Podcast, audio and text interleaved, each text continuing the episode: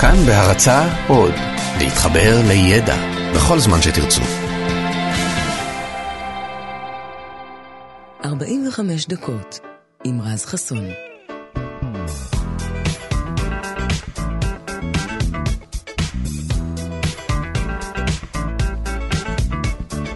בוקר טוב, כאן תרבות, שבוע טוב לכם, מה שלומכם?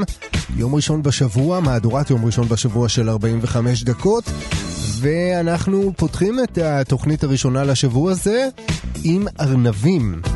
אם יש משהו שאנחנו יודעים על ארנבים זה שהם עושים את זה המון, כל הזמן.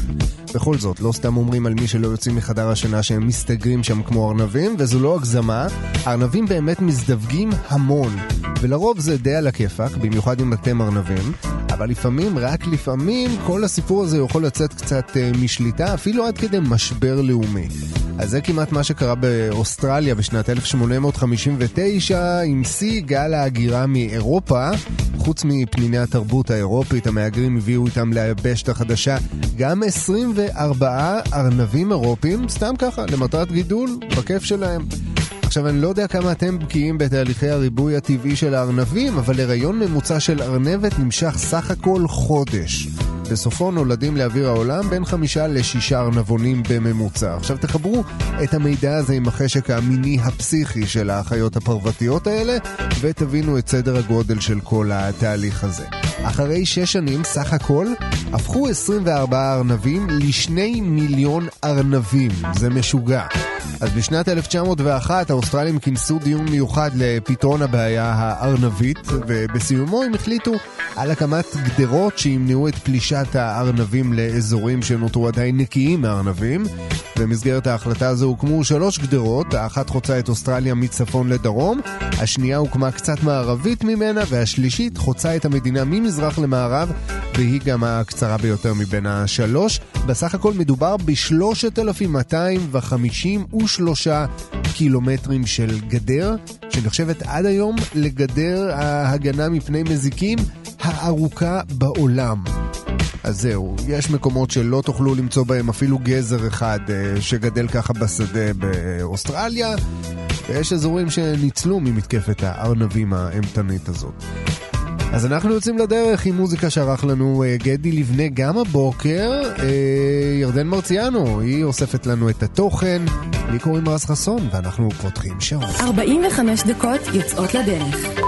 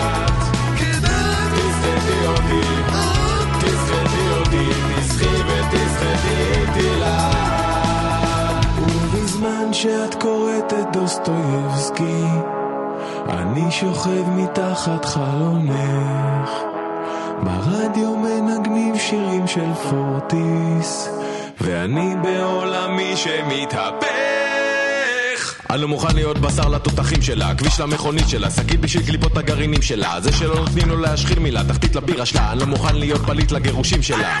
או, הפכתי לי לאייפוד בו, NMB שלא נמחק מפה, הלכתי להחליף את הנורה במוח, לא מבין עוד למה היא כבתה קלק קלק, או או זה הלב שלי האט לתום והעיר שלי מוצפת בכל כך הרבה כלום. ועד שבאת אני איבדתי אמון בכל מבט שרק עצב בצלקות. של דבר פגום כמותי יש מצילה. מה שהוא אומר שלא אתבע שאלה. גם את רוצה לשחות איתי?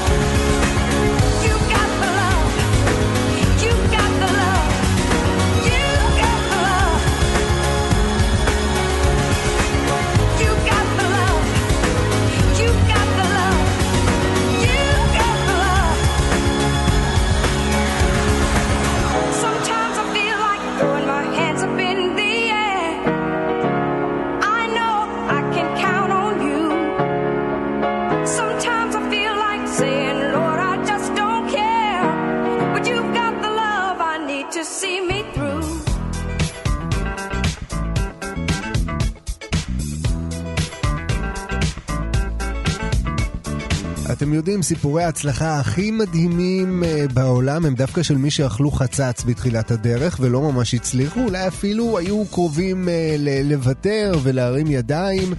ואחד הסיפורים האלה התחיל בשנת 1889, כשחברה קטנה בשם נינטנדו, אז חברה עלומה ולא כל כך מעניינת, התחילה לפעול ביפן. עכשיו תשכחו את כל מה שאתם יודעים על נינטנדו ועל כל הדמויות שמזוהות עם החברה הזאת, כי כשהיא הוקמה היא בכלל לא עסקה במשחקי וידאו, אלא בייצור קלפי משחק. אז בהתחלה היא באמת הייתה חברה יחסית אה, רווחית, אבל לאט לאט הזמנים השתנו וקלפי משחק הפכו פחות ופחות פופולריים, עד שבשנת 1963 נינטנדו אה, נקלעה למשבר ממש רציני, אולי הכי גדול בתולדותיה עד אותו הזמן, וגם עד היום.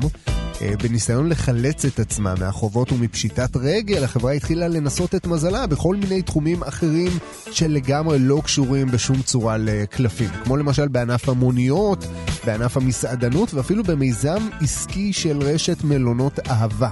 אז ההתפזרות הזאת עזרה לחברה לשרוד עוד עשר שנים אה, נוספות, ואז החליטו בחברה להיכנס גם לענף הצעצועים, וזאת הייתה ההחלטה שבעצם הפכה את גורל החברה הזאת לגמרי. בשנת 74 הפיצה נינטנדו את אה, קונסולת המשחקים אה, אודיסאה, שהייתה קונסולת המשחקים הראשונה בעולם, אפילו לפני האתרי, ושנה לאחר מכן היא התחילה לייצר גם משחקי ארקייד, שרואים בכל מיני חדרי משחקים כאלה של פעם, שהאמת, משחקי ארקייד לא ממש הצליחו, עד שהגיע משחק דונקי קונג, אם אתם זוכרים, שכבש את הגיימרים והפך לסיפור הצלחה היסטרי. אז במשחק דונקי קונג גם uh, נחשף העולם לראשונה לדמות משנה בשם ג'אמפמן. היום היא מוכרת בכל העולם כמריו, השרברב שב-35 השנים האחרונות הפך ממש לפרזנטור הבלתי מעורער של נינטנדו, שבינתיים כבר יצאה מהמשבר ההוא ושוויה מוערך כיום ב-42 מיליארד דולר.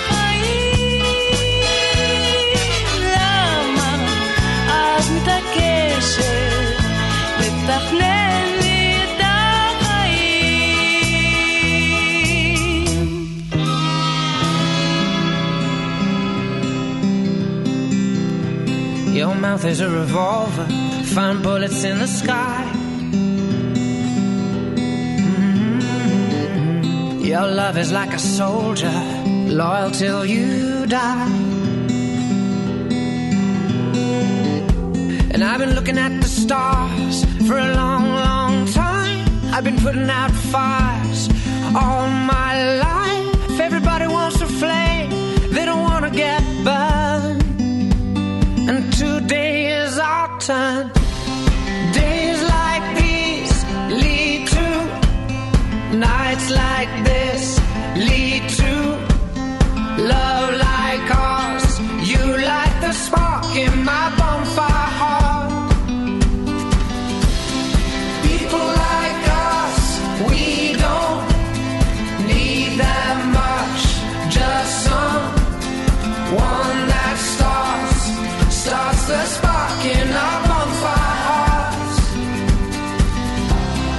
World is getting colder, strangers passing by. Mm-hmm. No one offers you a shoulder, no one looks you in the eye. But I've been looking at you for a long, long time, just trying to break through, trying to make you mine. Everybody wants a flame, they don't want to get burned. Well, today is our turn.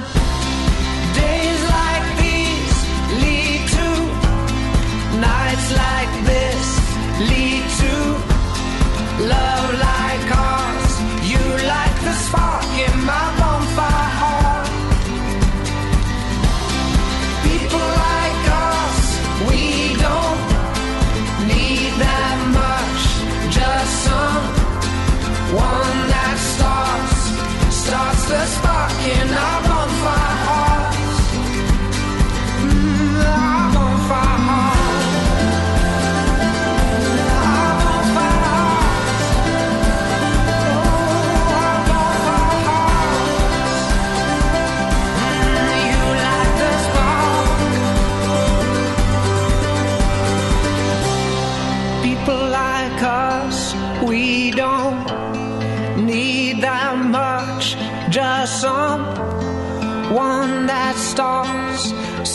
the spark in our bonfire hearts.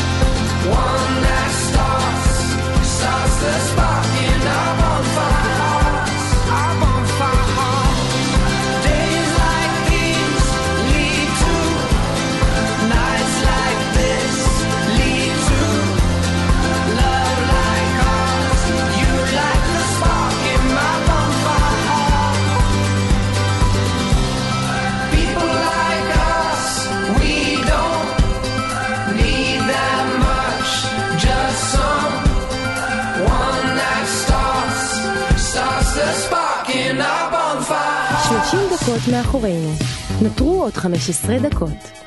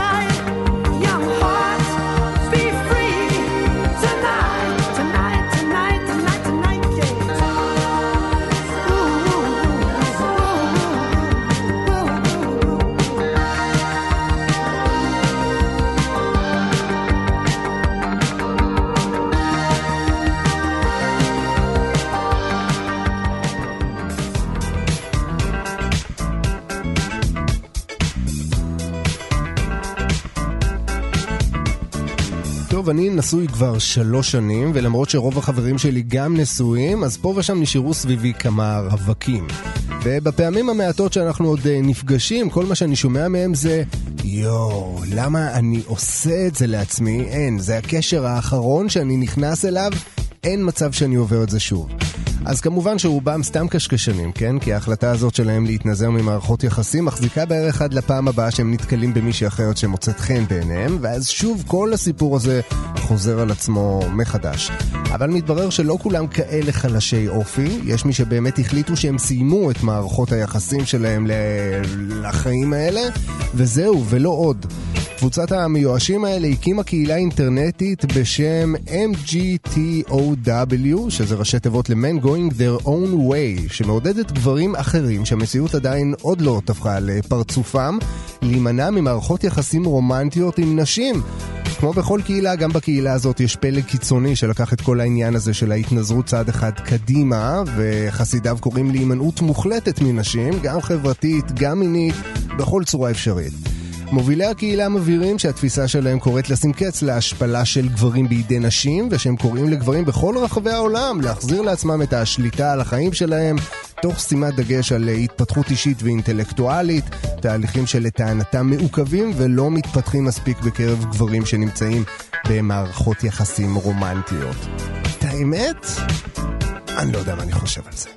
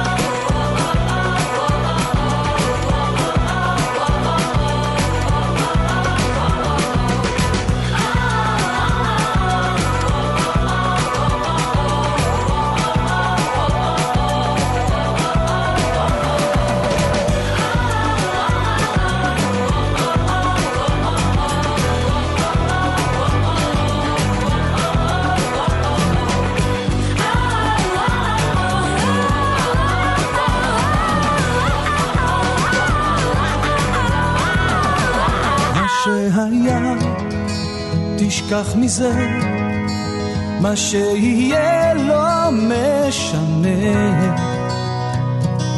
מה שאבקש בעולם כזה, תן לי את היום הזה. מה שהיה, תשכח מזה, מה שיהיה לא משנה. מה שאבקש בעולם כזה, תן לי את היום הזה. תן לי שמש על הבוקר ויונה מעל הגג. תן לי תכלת ברקיע, תן לי יום אחד ש...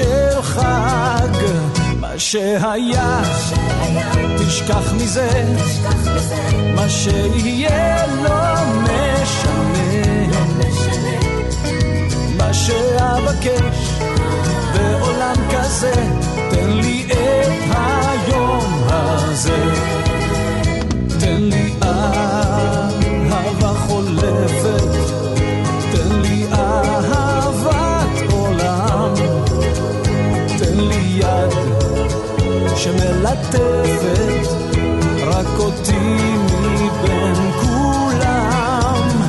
מה שהיה, תשכח מזה, מה שיהיה לא משנה.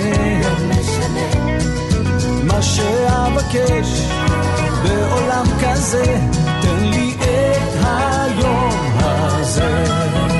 מה שהיה, תשכח מזה, מה שיהיה לא משנה. מה שאבקש בעולם כזה, תן לי את היום הזה. מה שהיה, תשכח מזה, מה שיהיה לא משנה. מה שאבקש בעולם כזה, תן לי את